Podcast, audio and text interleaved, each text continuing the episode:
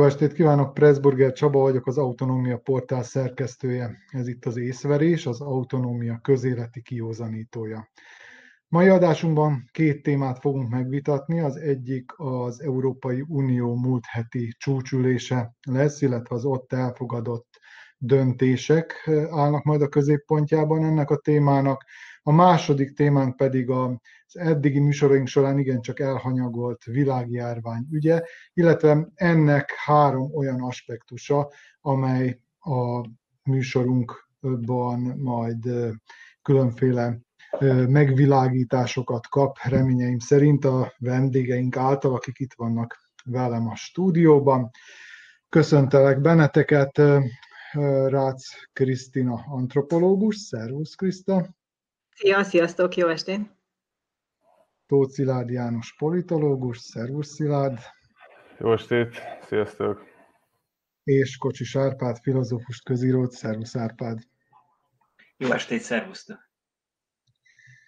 Tehát az első témánk az Európai Uniós csúcs. A múlt hét közepén kétnapos csúcsra érkeztek Brüsszelbe az Európai Unió tagországainak állam és kormányfői. Nagy volt a tét, ugyanis meg kellett hozni az Európai Uniónak az elkövetkező 7 évre szóló költségvetését, amely több mint 1000 milliárd eurós, és emellett egy, ennek mint egy háromnegyedét képező, tehát mint emellett még 750 milliárd eurós segélycsomagot is, amely elsősorban a járvány következményeit hm, hivatott majd valami módon enyhíteni. Mindkét csomag elfogadásához teljes konszenzusra volt szükség, már pedig Magyarország és Lengyelország vétót jelentett be arra az esetre, ha a költségvetési pénzek kifizetéséhez úgynevezett jogállamisági mechanizmust csatolnak. Az ülés végül mégiscsak kompromisszummal eh, végződött, illetve teljes konszenzussal meghozták ezeket a jogszabályokat, tehát a költségvetést is, illetve a helyreállítási alapot is, ami annyit jelent, hogy a magyar, illetve a lengyel fél végül is nem alkalmazta ezt a vétót. Tehát, mint mondottam, volt, kompromisszum született, és mindkét fél, illetve az összes fél tulajdonképpen győzelmet hirdetett, hiszen ugye egyfelől megszületett mégis az a jogállamisági mechanizmus, amelyet a költségvetési pénzek kifizetéséhez rendeltek hozzá, és ez alapján az uniós források elvonásával büntethető lesz az a tagország, amely, amely illetéktelen módon költi el ezeket a pénzeket. Emlékezhetünk, ugye ez volt az az aktus, amelyet olyannyira meg akart akadályozni a magyar kormány, és ez volt az, ami miatt Orbán Viktor vétóval fenyegetőzött. Végül ez a jogállamisági mechanizmus mégiscsak az eredeti formájában elfogadásra került. Másfelől viszont ez a mechanizmus mégsem léphet azonnal hatályba, Egészen addig, amíg az Európai Bíróság nem mondja ki, hogy ez a mechanizmus jogszerű. Márpedig ugye a bíróságoknak a malma igencsak lassan őrölnek, és nagyon valószínű, legalábbis az Európai Uniós szakértők szerint nagyon valószínű, hogy ez több hónapig, sőt évekig elhúzódó folyamat lesz, mire a bíróság dönt az ügyben, tehát egészen odáig nem lesz alkalmazható ez a mechanizmus, Magyarán a Fidesz a 2022-es választását nagy valószínűséggel, ha el is bukja, nem emiatt fogja elbukni. Tehát, ha összefoglaljam röviden, Orbán beleegyezett a jogállamisági mechanizmusnak a költségvetési forrásokhoz csatolásába, ugyanakkor cserébe viszont biztos lehet abban, hogy a választásokig nem fognak a körmére nézni Magyarországnak, hogy mire költik az Európai Uniós forrásokat. A döntést, illetve ezt a kompromisszumot meglehetősen vegyesen fogadta a közvélemény. Volt, aki a magyar kormány győzelmeként értékelte, még ellenzéki oldalról is, magyar ellenzéki oldalról is, és volt, aki viszont azt mondta, hogy tulajdonképpen Orbán beadta a derekát, és, és azok győztek, akik ennek az elfogadása mellett kardoskodtak végig. Szilárd, az első kérdésem hozzád szólna, szerinted elszerű, elvtelen, okos, milyen kompromisszum született Brüsszelben? Hát, hogy mennyire elszerű, mennyire nem, hát most nekem nyilván, nem tudom, privátilag állampolgárként az én elveimnek nem tetszik, de hát egyébként nyilván itt egy politikai küzdelemről van szó, aminek az egyik oldalán ott van a magyar meg a lengyel kormány, amiket, akiket a másik oldalról bizonyos más tagországok kormányai, meg hát nyilván európai parlamenti frakciók kipécéztek, tehát itt nyilván ne legyen félreértés azzal kapcsolatosan, hogy itt, egy, hogy itt ez, egy, ez, egy, ez egy nagyon célzott, nem tudom, tervezet volt, tehát itt ezeknek a jogállamisági kritériumoknak a, be, a beépítése a, a költségvetés mellé. Na most, hogy hogy ez most mennyire elszerű vagy elvtelen, nem tudom, tehát itt ugye, ugye van, van az az alapvető probléma, hogy az Európai Uniónak van egy nem fur, tehát van egy furcsa viszonya egyáltalán ez az egész kérdéshez, hogy mennyire szólhat bele, még hogyan szólhat bele egyáltalán abba, hogy a tagállamok maguk hogy politizálnak, meg hogyan működtetik a saját politikai rendszerüket. Ugye ne felejtsük el, hogy amikor ez az egész integrációs folyamat elindult nagyjából 60 évvel ezelőtt, akkor ez egy olyan időszak volt, amikor, a, amikor az integrációt elindító államok, azok egytől egyik liberális demokráciák voltak. Tehát ez, ez, ez eleve föltétel, tehát eleve föl volt téve az, hogy ezekben az országokban megvannak azok a bizonyos intézmények, amik, amikkel tehát itt konszenzus van azzal kapcsolatban, hogy milyenek a jó intézmények, és milyen a jó politikai rendszer, és egyáltalán föl sem tudott igazán merülni az, hogy, az, hogy, hogy ebből bármilyenféle politikai probléma vagy, vagy, vagy ügy, ügy keletkezzen. Ez az egész nyilván azóta merül föl, hogy, hogy, ugye, hogy ugye az Európai Unió kiterjesztett, tehát hogy az Európai egy csomó új tagállama lett az Európai Unió, mondjuk ugye 2004 után, ugye, illetve hát ugye 1990 után, és az, aztán, hogy ugye a kommunista diktatúrák ugye összeomlottak Kelet-Európában, és egyáltalán fölmerült az európai közbeszédben az, hogy ezeket az országokat valahogy be kéne csatlakoztatni az európai integrációba. Hát nyilván nem csak azért volt lassú ez a folyamat, mert valamiféle gazdasági megfontolások miatt nem tudom, hogy például eltérés volt, nyilván óriási eltérés volt a kelet-európai államok gazdasága és a nyugat-európai gazdaság között. Nem, az európai integráció nyilván azért is lassú volt, mert, mert, hogy, mert hogy rengetegen kételkedtek benne nyugaton, hogy ezek a, az országok a következő egy-két évtized során konszolidált liberális demokráciáká fognak tudni válni.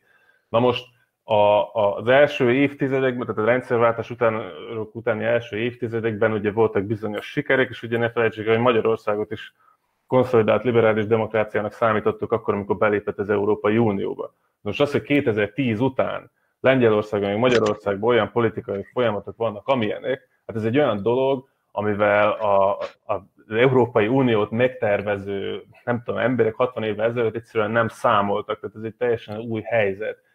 Nyilvánvalóan az Európai Unió, nem tudom, intézményrendszer különben is úgy működik, hogy alapvetően a tagállami kormányoknál van a hatalom, ugye az Európai Unió tanácsában, nem a és nem pedig a központi intézményeknél, tehát a parlamentnél és a bizottságnál, tehát itt egy óriási asszimetria van, nagyon, nagyon nehezen, vagy nagyon korlátozottan tud, tud, tudnak azok az erők is a tagállami, nem tudom, politikai folyamatok beleszólni, akik, akik szeretnének. Tehát egyszerűen nincsen, nincsenek eszközei az Európai Uniónak arra, hogy, hogy, hogy beavatkozzon, és még azok az eszközök is, amik léteznek, azokat se igazán használja az Európai Unió, tehát ugye a, a Fidesz kormányzás az lényegében 2011-12-re már elég világos volt, hogy milyen irányba folyik, hogy milyen módon építik a liberális demokráciának az intézményeit.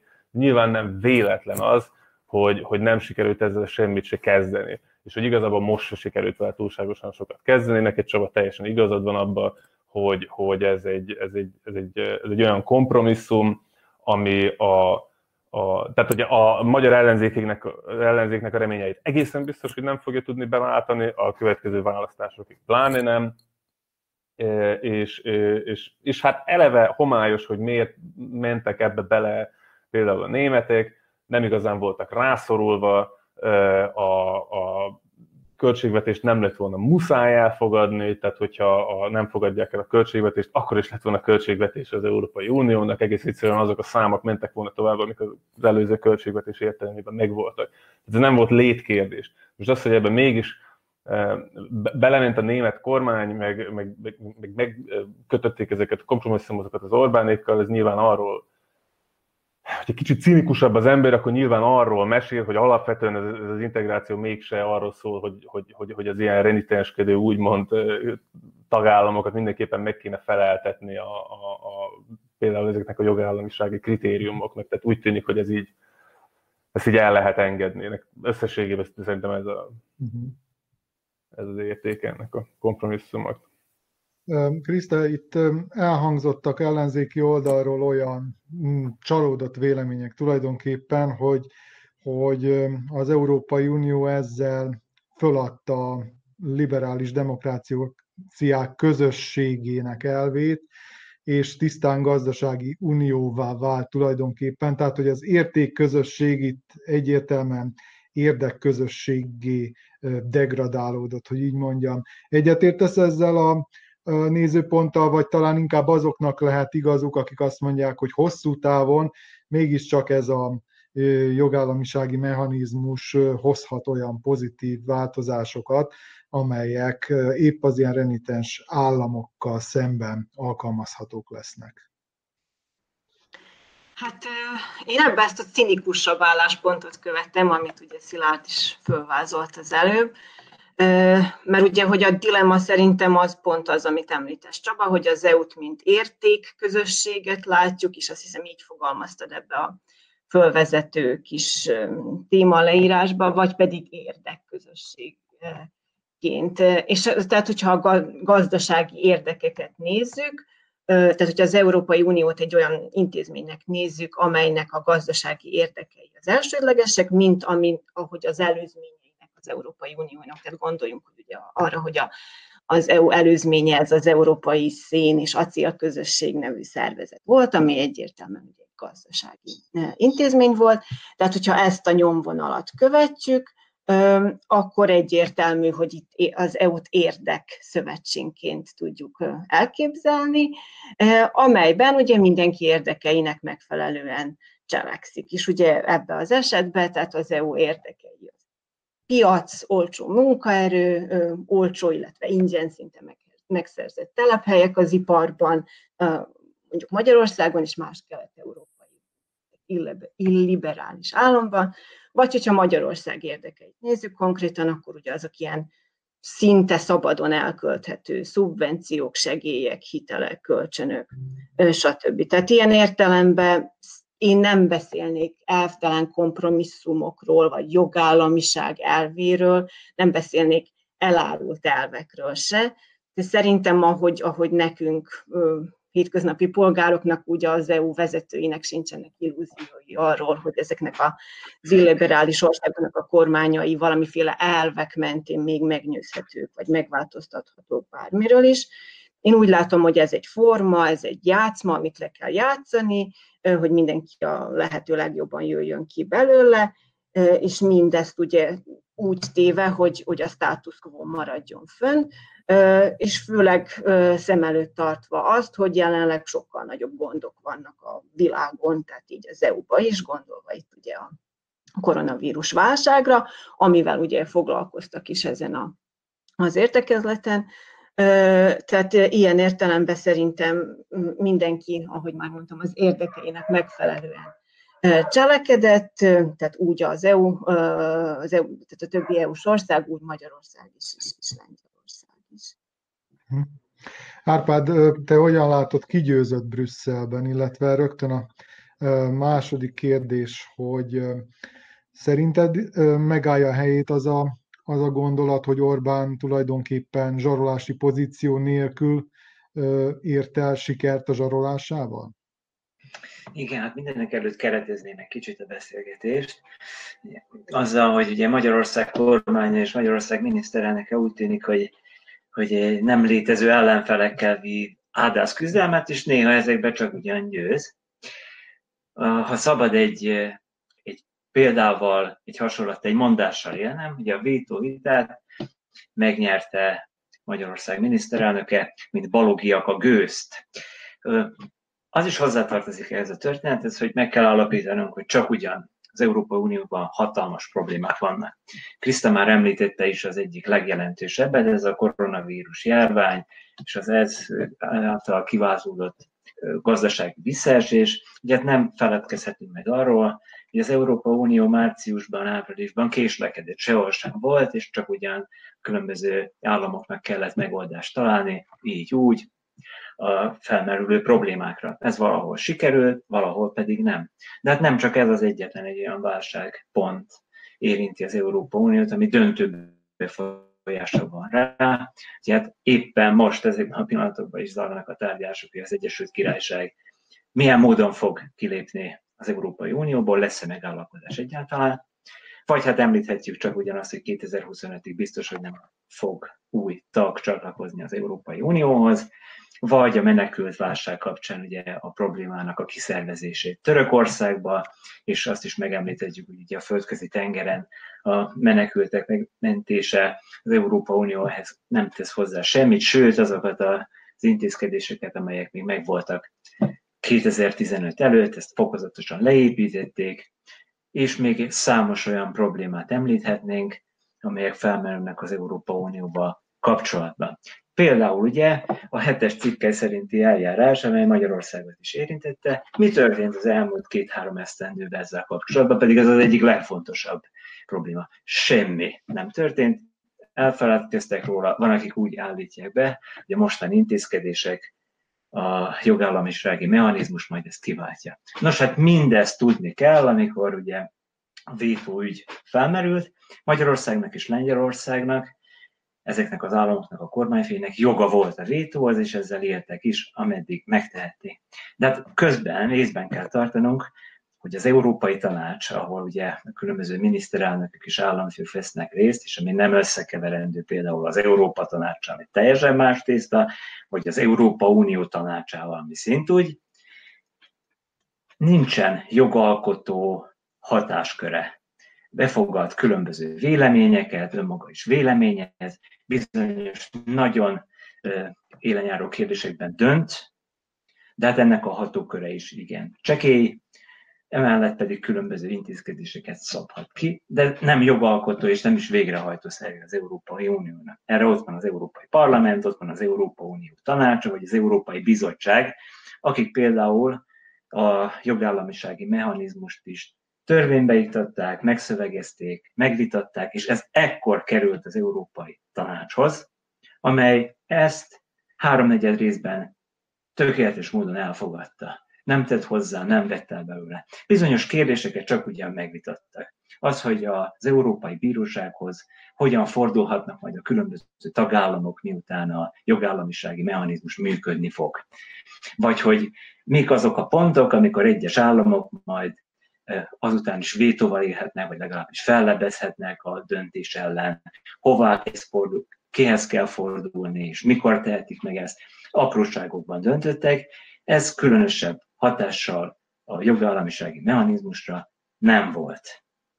Ezek után a bírósághoz fog kerülni, amely majd valamikor dönt, az ígéretek szerint talán még ebben az esztendőben, nem vagyunk biztosak, azután pedig még a parlamenthez is visszajut, és a bizottsághoz is visszajut az egész ügy, és ekkor születik majd valamilyen döntés, nem tudni, hogy ez mikor fog életbe lépni, de egyszer biztosan, hiszen most már megállapodás született, Lengyelország és Magyarország nem fogja ezt tovább vétózni. Jó. Ugye a nálunknál szerencsésebb országok sajtója az egész eh, hosszú távú költségvetésről szóló vitát és a jogállamisági vitát a megfelelő helyén kezelte a lap alján. Vagy aki egyáltalán foglalkozott ezzel a kérdéssel, mert olyanok is, olyan is megtörtént számos akik egyáltalán nem. Ugye mi a legfontosabb kérdés, mert csak ugyan az Európai Unióban a koronavírus járvány mellett? Az a Brexitnek az ügye. Olvashattuk a hét elején például, hogy az Egyesült Királyság kormánya négy csatahajót rendelt a Lamás csatornához, hogy abban az esetben, ha nem születik megállapodás a kilépésről, akkor ez a négy csatahajó a megfelelő alkalommal közbeavatkozhasson, nehogy az történjen, hogy az Európa Unió tiltott tengeri övezetekben halásszon. Nos, hát nekünk ezt még nagyon szoknunk kell. Az Egyesült Királyság és az Európai Unió közt csatahajókkal fenyegetnek, fegyveres konfliktussal. Hát ezt még szoknunk kell csak. Azért az, azt egyértelművé tették, hogy fegyverhasználat szóba se jöhet. Tehát ez nem kérdés. Hát itt az elrettentő eszköznek, ugye, tehát ugye ez, eddig ugye legalábbis amíg az Egyesült Királyság az Európa Unió tagja volt, ilyen fel sem merülhetett volna. Most minden problémással lett, és ugye hát még a, ennek számos vonatkozását nem is érintettük. Még egy picit maradjunk a, a Fidesznél, illetve a Fidesznek a pozíciójánál az Európai Unión belül. Holnap ül össze az Európai Néppárt frakciója, ahol kezdeményezték Dajcs Tamásnak a, a Fidesz európai parlamenti képviselőjének a frakcióból való kizárását, illetve nem sokkal ezt követően azt hiszem egy héttel ezelőtt írt Orbán Viktor Manfred Weberhez egy levelet, mármint az Európai Néppárt frakció vezetőjéhez, amelyben tulajdonképpen azt kezdeményezi, hogy hogy a Fidesz talán inkább valamiféle laza szövetségben legyen a néppárttal, és ne legyen a néppártnak a tagja. Lehet ezt valamiféle előre menekülésként értelmezni Szilárd szerinted? Tehát gondolok itt arra, hogy a Fidesz is érezheti azt, hogy, hogy a néppárti tagságát ez a vétóügy is eléggé megviselte?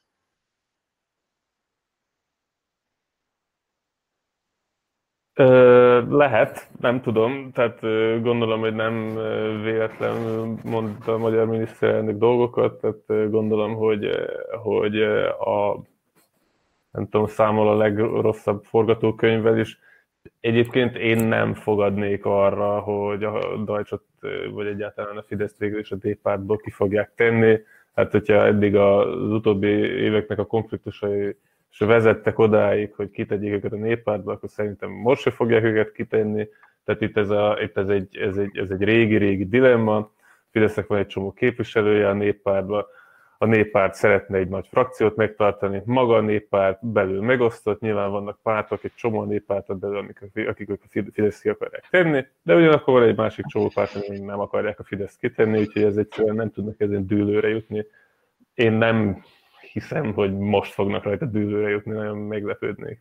Ahogy azon is meglepődnék, hogyha a Lamás csatornán elkezdenének egymással lövöldözni a brit hadihajók, meg nem tudom, francia hadihajók, de tehát ezt a kettőt körülbelül ugyanabba a kategóriába utalnám ezt a két lehetőséget, de hát mit tudom én, hát, hát azon is meglepődtünk volna tavaly, ha valaki azt mondja, hogy itt lezárják a világot, és nem mennek repülőgépek, meg átjárhatatlanok lesznek a határok hónapokig, meg hasonló.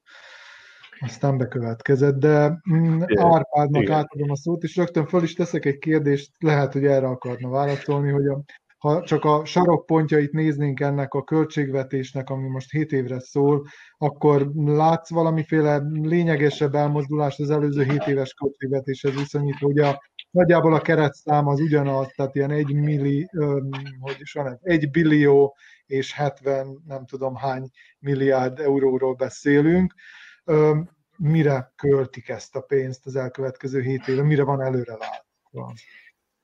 Jó, hát az Egyesült Királysággal kapcsolatban csak emlékeztetni szeretném a beszélgető társaimat, hogy nem volt példa nélkül, hogy hát a 60-as, 70-es években zajlott igaz, akkor nem Európa Uniós országok között, az Egyesült Királyság és Izland között a tőkehallal kapcsolatos háborúig legalábbis a fegyverek is előkerültek, háborúnak nevezik, ugye tőkehal háború, az, ami zajlott, tehát ugye nem egy példa nélkül, és hát ez a veszély fenyeget most a halászati kérdésekkel kapcsolatban, ez rendezetlenül fog megvalósulni. Ezt mindenképp érdemes szem előtt tartani. Jó, hát visszatérve a költségvetésre, ugye egy 7 éves költségvetésről van szó, ez nem az első az Európai Unió történetében a 2014 és 2020 közötti költségvetésre hasonlíthatjuk össze a mostanit. Ugye ezek irányvonalakat jelenek ki leginkább, hogy mire fog az Európa Unió költeni inkább, és mire kevésbé. Melyek azok a legfontosabb pontok, amelyeket kijelöl önmagának az Európai Unió. És hát azt látjuk a két költségvetés közt, a most lejáró és az újonnan megszövegezett között, hogy nagyon sok a hasonlóság, szinte az összeg is megfelel, csak ugyanahogy Csaba említette, 1800 milliárd euróról van szó, és hát ugye mostani költségvetésnek a, a, az egyik legjelentősebb része, és ez nem volt meg az előzőbe, ez a bizonyos 750 milliárdos jövő generációja csomag, amely a koronavírus járvány következményeit hivatott enyhíteni, azt látjuk, amikor áttekintjük a mostani költségvetést, hogy a biztonságra, a piacra, a kohézióra, a migrációra és a, a határigazgatásra költi majd az Európai Unió a legtöbb pénzt, és itt vannak bizony érdekes adatok is, amelyeket egyes újságok részletesen tárgyaltak. Például ismert, ez már az előző költségvetésben is benne volt, hogy tudományos projektekre és határellenőrzésekre az Európa Unió mindig is nagy összegeket juttatott, és most felmerült egy olyan programnak a neve, amelyet I-Border Controlnak neveznek, és ezt éppen a szerb-magyar határon tesztelték. Ez is több 10 milliós tételt harap majd ki a mostani költségvetésből, és a lejárt költségvetésből is és az a német Európa parlamenti képviselő, aki erre az adatra rábukkant, és megpróbált volna alaposabban utána nyomozni, hogy miről is van szó, számos akadályba ütközött, például nem szolgáltatták ki azokat az üzleti adatokat, amelyek ezekről a megállapodásokról és ennek a programról szóltak. Amennyire sejthető és feltételezhető, ez bizony egy ilyen megfigyelő rendszerrel vezet biztonsági beléptető rendszerről van szó, mondom, amelyet a szerb-magyar határon teszteltek. Egyrészt az úgynevezett illegális migránsokkal kapcsolatban, másrészt pedig mindenkit figyelnének, aki a szerb-magyar határon ki és be jut. Ez ugye számos olyan problémát felvet, amely eddig nem volt tisztázva, ki az, aki megfigyelhető, milyen módon, és hogy egyáltalán ez az egész program hogyan születhetett meg, amikor az Európa Unió polgárai erről mit sem tudtak, és még a mai napig sem nyilvánosak, teljesen az adatok, hogy mi szükség van ezekre az adatgyűjtésekre. Fókusz-pókuszról, tudományos fókusz-pókuszról beszélt ez az Európa parlamenti képviselő. De egy más szemszögből is tekinthetünk a dologra, ez pedig Orbán Viktor miniszterelnök az országgyűlésben tett felszólalása után lett teljesen nyilvánvalóan, amikor azt mondta, hogy bizony 34 millió migránst kíván az Európa Unió a következő esztendőbe egyrészt betelepíteni az Európa Unió területére, másrészt pedig, akik már itt vannak, azoknak állampolgárságot kíván juttatni, pénzt, támogatást, lakást, és hát ugye szavazati jogot, mert hiszen ez mind a 34 millió ember baloldali szavazó lesz, és ez természetesen baloldal fogja támogatni. Ha megnézzük azonban azt a dokumentumot, ami erről szól, akkor azt fogjuk tapasztalni, hogy ez a 34 millió ember bizony nem a menekültekre vonatkozik, 34 millió ember az Európai Unió területén most az, aki úgynevezett bevándorló háttérrel bír. Kikről van szó? Ugye például a posztjugoszláv valamikori Jugoszlávia területéről Ausztriába, Svédországba, Németországba menekültekről van szó, akik már állampolgárságot kapnak 10-20 éve, 25 éve már ezen az, ezekben az országokban élnek, és ezeknek a, a, a társadalom szövetébe való beágyazottságát segíteni különböző programokkal, meg hát azokról van szó, mint például mi, akik Magyarországon bejelentett lakcímmel bírunk, és Európa Uniós polgárok is vagyunk, meg azokról, akik Oroszországban születtek, vagy valamikori Szovjetunió területén, és aztán Litvániába, vagy Észtországba költöztek, meg még nagyon sok másról. Tehát amikor 34 millió migránssal riogatnak, akkor tulajdonképpen velünk riogatnak, ami egy elképesztő dolog. Ugye nehéz lenne ezt elválasztani attól a riogatástól, ami a december 5-i egykori népszavazással kapcsolatban merült fel. Ha áttekintjük ezeket a számokat, amit valóban a menekültekre próbálnak próbálnának megküldeni ilyen és olyan módon, hát ez nagyon csekély, mint hogy az Európai Unió területén 450 millió lakosa van az Európai Uniónak, hát a menekültek száma ennek pár milliót tesz ki, és az ő rájuk költendő összegek is nagyon csekélyek.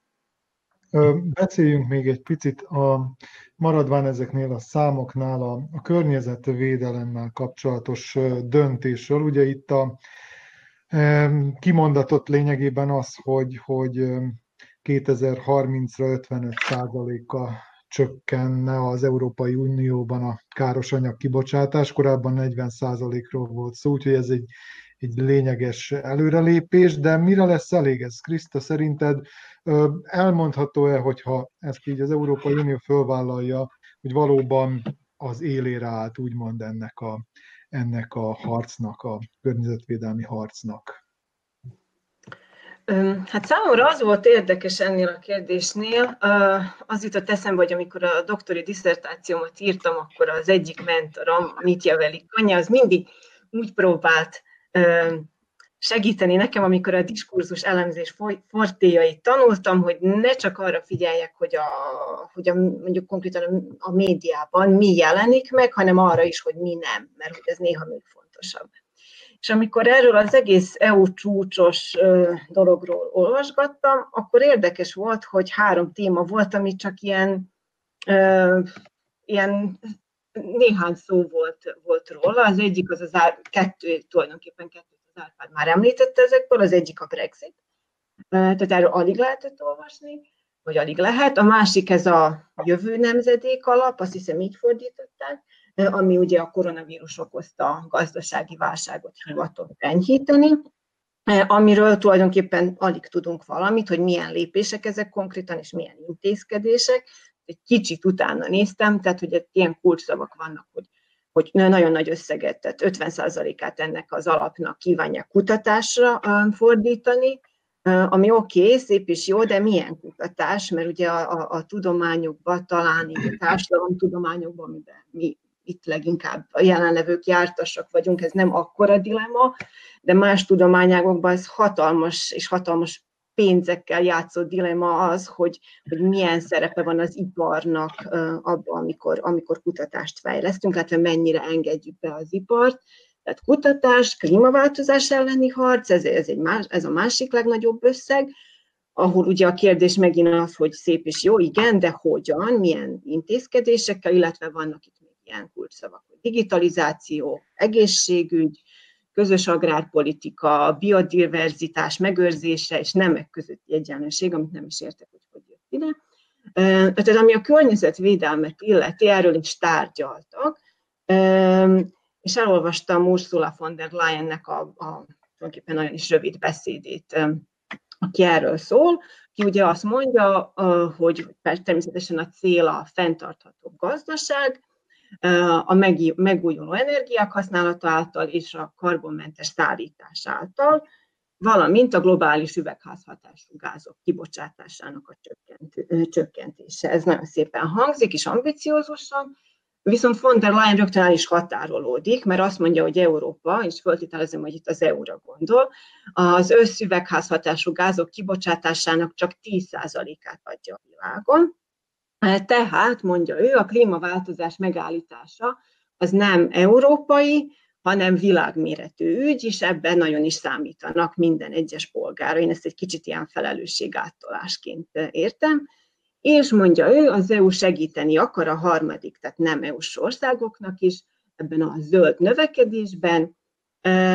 hogyan? Számomra ez a kérdés amikor pont ez a zöld növekedést gátló ipar, a zöld növekedést gátló termékek, illetve hulladékok pont ezekben a nem EU-s harmadik országokban kötnek ki. Tehát én ezt látom egy fontos dilemának, amiről talán nem szóltunk annyit még. Mhm. Térjünk át akkor a másik témánkra, a világjárványra. Hát egyetlen műsor volt eddig az észverésben, amelyben ez a kérdés egyáltalán fölmerült.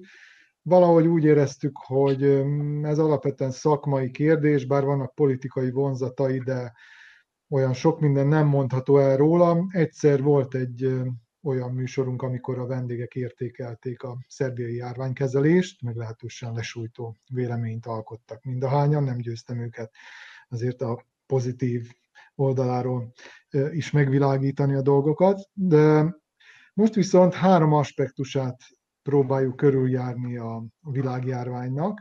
Három olyan aspektust, amely tulajdonképpen mindenkit valamilyen módon befolyásol. Az egyik a szólásszabadság ügye lesz, a másik az úgynevezett home office, tehát az otthonról történő munkavégzés kérdése, és a harmadik pedig az online oktatás, illetve online tanulás, ami elsősorban a, ugye diákokat, egyetemistákat érinti. Kezdjük akkor a sajtószabadság, illetve magával a szólásszabadság kérdésével. Itt a, egy aktuális eset kapcsán merült föl ez a kérdés. Magyarországon letartóztatták, illetve előállították Gödény Györgyöt, aki, akit hát járványtagadónak mondanak, járványszkeptikusnak, de lényegében egy olyan embernek, aki, aki hát vitatkozik azzal, amit a hivatalos csatornákon lehet hallani, illetve amelyről tudósok ö, nyilatkoznak, és ö, és hát az ő letartóztatása kapcsán merült fel a kérdés, a magyar közbeszédben elsősorban, hogy büntethető, illetve büntetlenül hagyható-e egyáltalán a járványtagadás. Ti hogyan látjátok ezt a kérdést? Mennyire hasonlítható akár egy háborús helyzethez, vagy valami rendkívüli állapothoz az, ami jelenleg zajlik? Kell-e, lehet-e, szabad-e ilyenkor korlátozni a szólás szabadságát? Árpád kezdte. Jó, jó, hát itt a Gödény Györgynek az egynapos letartóztatását a nagyobb problémák is vannak. Olvashat ugye a kimutatást a szerbiai a járvány szerbiai megítéléséről, ahol a megkérdezetteknek az egy harmada nyilatkozott úgy, hogy szerinte nem létezik a járvány. Ezt nyilvánvalóan mondhatják. Sőt, különböző kételyeket is megfogalmazhatnak, Ugye a vakcina, amely most már úgy tűnik, hogy elkészült és hamarosan többek számára elérhető lesz, szabadon lesz felvehető, senkinek sem lesz kötelező beadatnia magának, és csak ajánlott lesz. Ugye nagyobb problémák is felmerülnek ezzel kapcsolatban. Én csak egyetlen egyre fogok hivatkozni a vakcina kapcsán. Ugye éppen ez is a napokban jelent meg a Nature-ben egy írás, amely azt taglalja, hogy, hogy bizony a fejletlen és a fejlődő országok legfeljebb 2003-2024-ben fognak a vakcinához hozzájutni. Ezt mindenképp szem előtt kell tartanunk, amikor az egész járványügyi intézkedéseket és ezeknek az elhúzódó holtát tárgyaljuk. Valószínűleg, hogy itt még hosszú évekig bizonyos intézkedések, még azokban az országokban is lesznek megelőző intézkedések, amelyek olyan szerencsések, hogy a már most meglévő vakcinából előre bevásárolhatták. Ugye itt hatalmas egyenlőtlenségekre épül rá a koronavírus járvány, és ezt az egyenlőtlenséget tovább másolja. Ismert az, hogy például Kanadában mindenkinek 8 darab vakcina jut, még egyes afrikai országokban még a legrászorultabbak sem fognak hozzáférni, és számos etikai kérdés merül fel a koronavírus járvány hosszú távú kezelésével kapcsolatban is. Jó, maradjunk azért a szólásszabadság ügyénél itt az első körben. Kriszta, te hogyan látod, lehet-e ebben az esetben korlátozni? Ugye egy társadalmi felelősség vállalásról van szó, persze azt szólásszabadság és a nyilvános megszólás az mindig ezzel jár, de van-e itt valami speciális helyzet szerinted, amikor ez korlátozható? Szerintem van speciális helyzet, tehát ugye az ilyen járványhelyzethez hasonló rendkívüli állapotok, azok bizonyos jogokat korlátoznak, ez, ha, ha, ha jól tudom, ez így, így működik mindenhol, tehát ugye a tavasszal megtapasztalhattuk, hogy, hogy milyen a mozgásszabadság korlátozása, tehát valamilyen absztrakt szinten én elképzelhetőnek tartom azt, hogy, hogy hatékony lehetne a szólásszabadságnak is a korlátozása, mivel hogy ugye egy olyan, olyan helyzet előtt, előtt állunk, hogy gyorsan kell és hatékonyan cselekedni a szakmának, és hát bizony a szólásszabadság, hogyha teljesen kiterjesztük, akkor, akkor ez a hatékonyság ellen is mehet, Viszont, viszont abban gondolom a legtöbb ember egyetért, hogy, hogy azért ennek sokkal veszélyesebb következménye lehet, lehetnének, tehát ugye a hatékonyság mellett szem előtt kellene tartani azt is, a, a szólásszabadságot magát is. Ugye szerintem a szólásszabadságnak a megléte önmagában nem kérdés, mert azt mondjuk, hogy, hogy persze. Szerintem a, a, a kérdés az az, hogy, hogy szólásszabadság van akkor, akkor is, hogyha az emberek a, hogy úgy mondjam, ilyen nem pontos információk alapján mondanak dolgokat, és ebben befolyásolják a közvéleményt. Ugye gondolom ez volt a, ennek a, az előállított Gödény Györgynek is a, a, a szituációja. Tehát ugye a szólás szabadságnál normál esetben föltételezzük azt, hogy a szólók azok arról szólnak, amiről pontos információik vannak. Na most ugye ez nem mindegy nem mindig igaz, főleg amióta a közösségi média létezik, nem is elvárt, és nem is igazán gyakorlat. Tehát ugye számomra a kérdés az, hogy szabad-e szólni ellentétesen is, akár egy, legyen az erős, vagy legyen az ingatag társadalmi konszenzussal is. és ez a társadalmi konszenzus, az ezt a, a társadalomnak a homogenitását és a kontrollját szolgálja is egybe. Tehát, te, ahogy Árpád is mondta, Szerbia, Szerbia lakosainak nagyon nagy aránya nem hisz, vagy, vagy kételkedik a koronavírus létezésében, illetve nagyon nagy százalék kételkedik az oltás hatékonyságában is.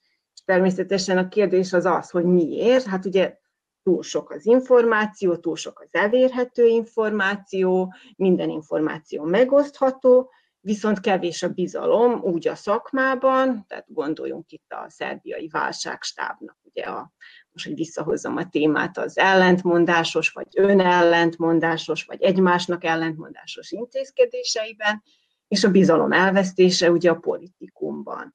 Tehát én konkrétan nem tudom egyértelműen kisilabizálni, a napokban próbáltam azt, hogy Szerbia melyik vakcinából mennyit rendelt, és mikor fog ez érkezni, illetve mennyi. Illetve a szimptomatikus Vucicnak ez a mai vagy tegnapi kijelentése, aki azt mondja, hogy több oltás és rendelkezésére fog állni a polgároknak, és az emberek azok szabadon fognak, választhatnak majd, hogy melyiket akarják beadatni maguknak. Hát mi alapján választhatnak majd.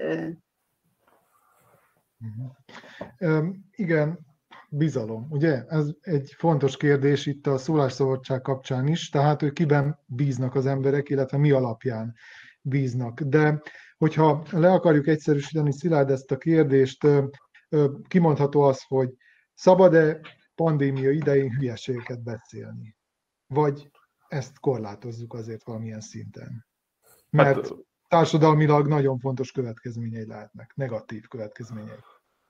Hát ugye a, a, az ilyen mindenféle szólásszabadság ügyekkel kapcsolatosan ugye van egy, van egy nagyon fontos alapelv, amit a, a, nem tudom, a jogrendszerek is rögzíteni szokna, szoktak, tehát ugye az az, hogy a, hogy a szólás szabadságának egy nagyon fontos korlátja az az, az hogy az, az adott szólás, az adott megszólalás az okoz valaki másnak kárt, ugye ez az úgynevezett kárelv. És ugye nyilván erre hivatkozva ennek, ennek az értelmezése az is, hogy mit tudom én, például a mindenféle jogrendszerek azok tiltják a gyűlöletbeszédet, érted, meg az ilyesmiket. Miért? Azért, mert ezek alkalmasak arra elvileg, hogy másokkal szembeni erőszakra hívjanak föl, és akkor persze ugye nyilván a probléma abból adódik, hogy ez, ez, ez, ez, ezeket nehéz definiálni, meg nehéz azonosítani, és akkor Magyarországon például a bíróságra van bízva az, hogy az egyes eseteket mérlegelje.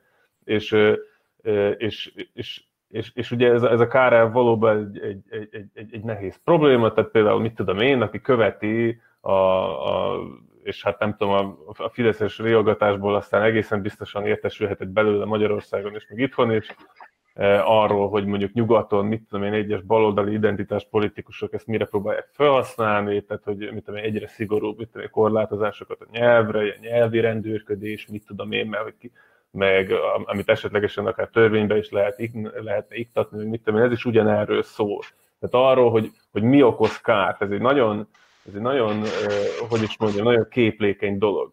Na most a, a és, és a gődény esete, ugye ez, ez, ez viszont tök kézzel fogható. Tehát, hogy helyzet van, egy, mit tudom, egy járvány van, amiben egy csomó ember meghal, és akkor mit tudom, itt van ez a csávó, aki, aki olyan dolgokat mond a nyilvánosságban, ami esetleg veszélyeztetheti a, nem tudom, a sikeres járványkezelést, ergo, mit tudom én, tehát hogyha ő fölpújgatja az embereket arra, hogy kiálljanak az utcára, meg menjenek emberek közé, akkor szól az érvelés, akkor ez esetleg ahhoz vezethet, hogy mit tudom én, még gyorsabban fog terjedni a járvány, még ilyenek.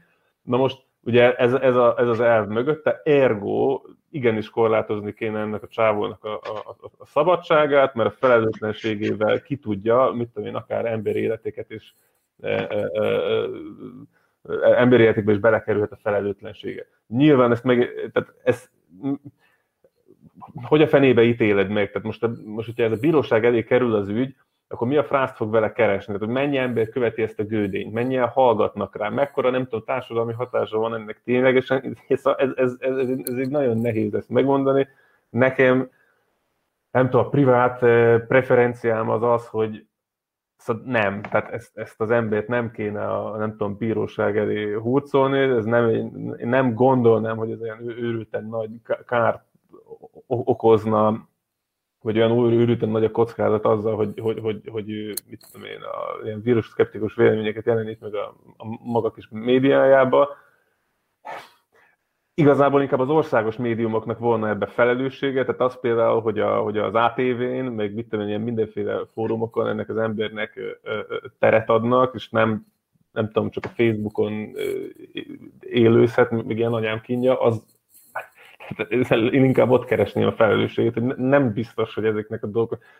Persze, hogyha föltesszük, hogy a gődény téved, tehát hogyha mit tudom én, ugye, mert a gődény pont azt tolja, hogy, hogy nem, tehát azt vitatja, hogy ez az egész nem olyan komoly. Most, hogyha föltesszük, hogy, hogy hülyeséget beszél, akkor, akkor a, a, azoknak a médiumoknak viszont igenis van felelősségük az üzenet terjesztésében, akik, akik terjesztik. Tehát, hogy, hogy, hogy már nem mintha az ATV-seket akarnám bíróság elé citálni, mert nyilván nem, én senkit sem akarok bíróság elé citálni, de érted, tehát, hogy, hogy, hogy ez, ez, egy, ez egy veszélyes és ügy, de hát pont ezért, mert a szabályozás, ez az egész kárelv annyira, annyira egy, egy, egy néha megfoghatatlan dolog, meg, meg nehéz belőle levezetni pontos válaszokat arra, hogy akkor most adott helyzetben mit tegyél. Hát nem véletlen az, hogy, hogy, hogy, hogy mindenféle dolgokat levezetnek belőle a politikai spektrum különböző szélein levő emberek, hogy, hogy akkor milyen legyen a törvény, meg milyen legyen a szabályozás.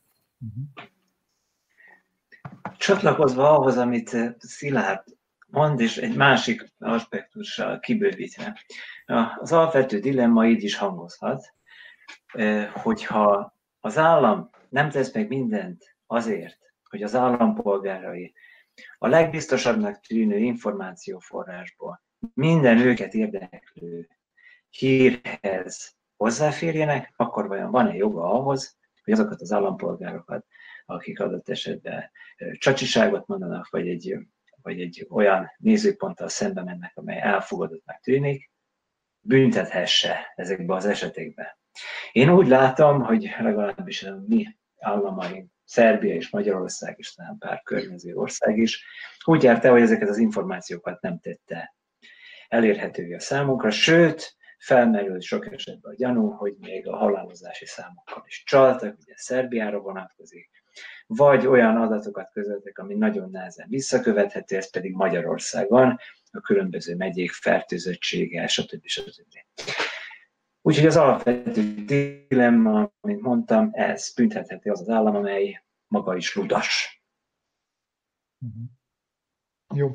Akkor térjünk a második aspektusra át, a home office-ra. Itt a kérdés, amit megfogalmaztam, az úgy szól, hogy ez egy kényelembe csomagolt kizsákmányolás-e. Egyetértetek ezzel a nézettel, Krista? Igen is, meg nem is. Hát ugye van egy ilyen általános diskurzus, hogy járvány ide vagy oda, a home office az tulajdonképpen jó, mert több időt töltünk a családdal, kényelmesebb, rugalmasabb, otthonosabb, stb. Viszont, hogyha ezt megpróbáljuk gazdasági szempontból vizsgálni, akkor, akkor már fölmerülnek más aspektusok is. Ilyen például a házi munka. Ugye megfigyelhetjük, hogy amióta home office van, sokkal többet főzünk, mosogatunk, takarítunk. Egyébként egy feminista közgazdaságtannak a kritikája is többek között, hogy ez a főként nők által végzett láthatatlan munka, és az ez a láthatatlan munka által megtermelt érték, az ugye nem számítódik be a GDP-be. Tehát akkor egy másik aspektus az anyagi terhek, tehát hogyha home office-ba dolgozunk, akkor sokkal többet fűtünk, több internetet és jobb internet használunk, és jobb internetre van szükségünk, amiket ugye a munkaadó az meg, megspórol, úgy szintén megspórolja az úti költségtérítést, az iroda, házbérletet és stb. Továbbá vannak itt ilyen aspektusok, hogy gyermekfelügyelet, gyermekek oktatása, idősek gondozása, betegek ellátása, mindenféle otthoni szervezés és menedzsment, tehát ugye elkészíteni egy órarendet, hogy melyik gyerek mikor tud a laptopon tanulni, stb., bevásárló listák írása, stb., és akkor még szóljunk az érzelmi munkáról is, tehát ugye összezártságban megnőnek a konfliktusok, ezeket valakinek kezelni kell, vigasztalni az embereket, kézbe tartani a dolgokat, stb. Mhm. Tehát ez mind-mind fizetetlen munka, ami profitot hoz létre, ami ugye, ugye nem a munkavégz, munkavégzőhöz, illetve az ő kezébe kerül végül vissza. És akkor mondhatjuk, hogy mindez még így is egy osztálybeli privilégium, mert ugye nagyon sokan vannak, akikről megfeledkezünk, akik nem, nem tudnak otthonról dolgozni, tehát gyári munkásokra gondoljunk, egészségügyi munkásokra, akik a sok kiszállítást végzik, stb. Tehát ugye az otthoni munkavégzésnél számomra az a specifikus, hogy ugye bejön szó szerint a képbe a család, tehát látjuk, hogy kivel lakunk, kivel élünk egy háztartásba, amit ugye a kapitalista rendszer létezése óta igyekezett láthatatlaná tenni. És most, most ugye egyszerre csak besétálnak a képbe a családtagok, a, más, a háztartásba velünk élő emberek, ami szerintem a személyes véleményem az, hogy ez önmagában nem rossz, hogy jó, hogy látható a környezet, jó, hogy most látom, hogy mi van mögöttetek, milyen a frizurátok, stb hallható a gyereksírás, kutyaugatás, stb., mert ugye hát nem vagyunk ilyen minden helyzetben produktív robotok, de problematikus is lehet ez, hogy a család ennyire bejön a képbe, mert más nem jön be. Mert ugye a család, azt ne feledjük el, hogy nem mindenkinek a megfelelő környezet, vannak emberek, akik számára kellemetlen, idegesítő, vagy elérhetetlen, akik mondjuk külföldön élnek, vagy, vagy egyenesen veszélyes. Tehát ugye gondoljunk családi erő, családban történő erőszakra, ami most ezzel zárt ajtók mögött történik, és a szociális szervek, illetve a kapcsolati hálók számára még inkább láthatatlanok maradnak, mint eddig. Szilárd, látom, te neked mm, szinte minden mondatáról volt véleményed, amit Kriszta mondott, úgyhogy csatlakozz nyugodtan. Igen, csatlakozok. Nagyon sokat főzök az utóbbi időben, nem tudom, férfi létemre, de mindegy, nem erről akartam beszélni, ha bár éppen erről is lehetne beszélni. Én, én azt akartam mondani erről igazából, hogy eh, ha bár nem láttam még erről annyira eh, kimutatásokat, biztos rengeteg kutatás fog készülni most itt a, a, a nem tudom, a közeljövőbe, de hogy szerintem nem, nem hiszem, hogy annyira az történik, csak, csak erre a kizsákmányolás témára. Én nem hiszem, hogy annyira az történik, hogy az emberek okvetlenül többet dolgoznának, mint eddig, ezek, akik otthon dolgoznak, hanem inkább az történik, hogy elmosódik a határvonal, tehát az, hogy, az, hogy mikor vagyok szabadidőben, meg mikor vagyok munkaidőben, mert érted, tehát hogyha, hogyha mondjuk az embernek olyan munkahelye van, hogy, hogy bejársz valahova dolgozni, és aztán nem viszed haza azt a telefont, amire kapnád amúgy a hívásokat a munkával kapcsolatosan, akkor érted, ki az irodából, az csá, tehát vége van a munkaidődnek. Most ez így ebbe a formába a home office ugye nyilván nem nem, nem tud így megtörténni, tehát nem, nem tud úgy kizárni a kettőt,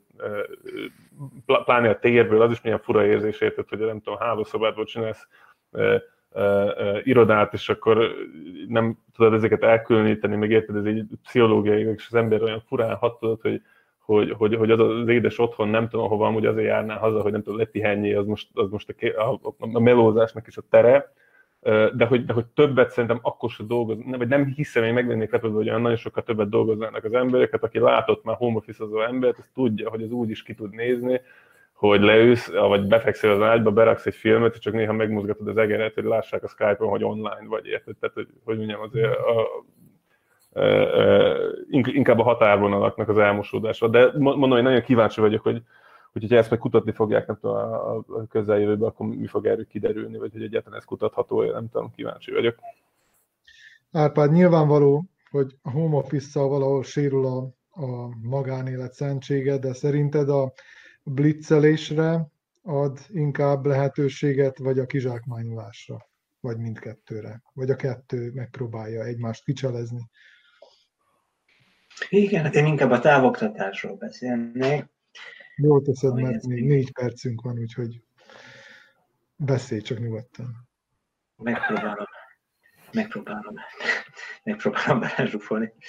Ja, hát egy távoktatásra kapcsolatban talán a leglényegesebb kérdés, ez nem nagyon szokott szóba kerülni, ugye a diákokkal, egyetemistákkal kapcsolatban, ugye, hogy mi lesz a lógással. Hát nekem az az egyetlen egy félelmem, hogy egész generációk fognak megfeledkezni arról az édes érzésről, amikor épp az egyetemről vagy a középiskolából el lehet lógni, és akkor olyan különös az utca, olyan furcsa hangok vannak, amit addig az ember nem hallott. Kirakodnak például egy pékségbe, amit addig sohasem látott. Attól tartok, hogy ezt a, az érzéket el fogjuk veszíteni azzal, hogy ugye otthonról kellene meglógni, ami nagyon nehéz. Hát hogyan megy haza valaki kerülő utakkal, ha már eleve otthon van. Persze első szempillantásra úgy tűnik, ahogy János is mondta, hogy ez nagyon könnyű, éppen csak kikapcsoljuk a kamerát, vagy azt mondjuk, hogy elment az áram, vagy arra hivatkozunk, hogy betört a, a nappaliba a lavina, és akkor megszakadt az adás. De hát mégiscsak itt van egy ilyen probléma, hogy el kellene menni onnan, egy erőfeszítést kíván meg a lógás valamikor még azokban az időben, amikor még egyetemisták és középiskolások voltunk. Ugye én nagyon aggódom, hogy a lógás tapasztalata, hogy félelemmel vegyes, de mégis izgalmas, az, azt újra kell majd feltalálnunk. De hát mm. remélem, hogy lesznek olyan talpra esettek a jövő generációi, újra felfedezik ennek az édességét, úgyhogy mindenki lógjon meg. Ja, majd a fel fognak bújni a spice-ba, vagy a, vagy, a, vagy a padlásra. Szerintem ez, ez megoldható. Szerintem is. Ez, ez a szakértői vélemény. Megkapcsolod a kamerát, megkapcsolod a mikrofont, és azt mondod, hogy sajnos nincs kép, és éppen pillanatnyilag a mikrofon se használható, és már is megvan az édes érzés szerintem, de kiderül. Nekem az lenne a kérdésem, ha még lehet, nekem vannak olyan kollégáim Norvégiában, tehát ugye Oszlóban úgy van, hogy a home office az szinte kötelezett, tehát erősen ajánlott, ez így van mondva, és hogy az lógásnak értelmezhető Árpád, hogy ezek a kollégák, ahelyett, hogy otthon lennének home office-ba, besúrrannak az egyetemre, és ülnek az irodák nyugalmában is csöndbe, ez lógás? Ez hallatlan, ilyet, ilyet még nem, nem, nem is tudom feldolgozni. Jó, hát akkor itt fejezzük is be, szerintem ennyi az online oktatásról, amennyi belefért ebbe a műsorunkba. Köszönöm, hogy itt voltatok, köszönöm önöknek is, hogy megnézték az észverést, illetve meghallgatták podcaston. A következő adásunk az valamikor január közepén lesz, most tartunk egy kisebb szünetet, addig is megnézhetik ezt a műsorunkat, azaz visszanézhetik a Facebookon, a második nyilvánosság, a Maglo is az Autonómia hivatalos Facebook oldalán, holnaptól pedig már az Autonómia YouTube csatornáján is elérhető lesz, kérjük iratkozzanak fel a YouTube csatornánkra, és hát a podcaston, mint említettem már, a Google, illetve az Apple Podcaston is elérhető most már az észverés, úgyhogy aki esetleg nem kíváncsi ránk, hogy nézzen bennünket, az, az futás közben, vagy lógás közben is meghallgathatja a műsorunkat. Találkozunk nagyjából egy hónap múlva, addig is minden jót, boldog új évet, boldog karácsonyt, viszontlátásra!